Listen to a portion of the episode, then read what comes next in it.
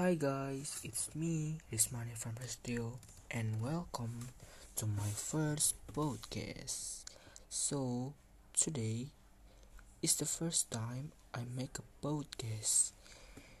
Yeah, you know, I never made a podcast before, so I'm so sorry if I kinda doubt it, maybe kinda, kinda weird, I don't know.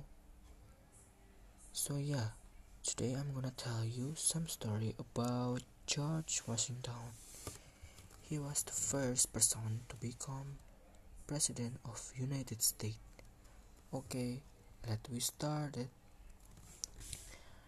George Washington was commander-in-chief of the Continental Army during the American Revolutionary War 17, 1775 and 1783 and served the term as the first United States for president from 1789 to 1797.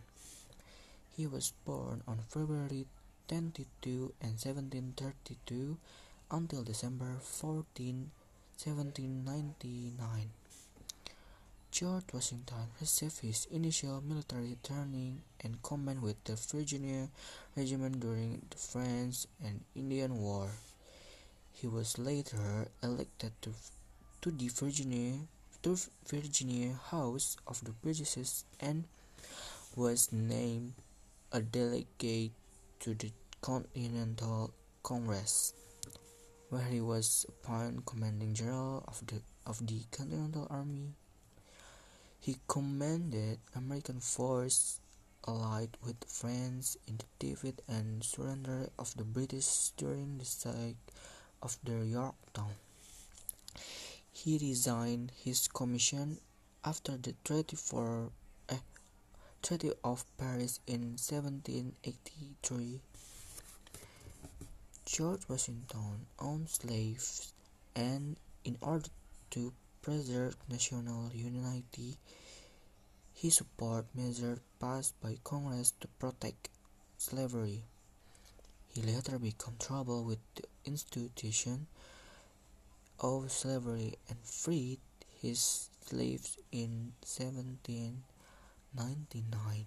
Well, he endeavored to assimilate Native Americans into Anglo-American culture, but combat indigenous resistance during instances of violent conflict.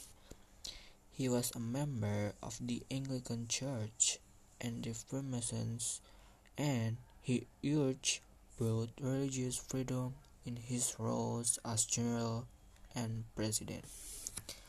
So yeah, that's all I can say. Thank you for listening my podcast.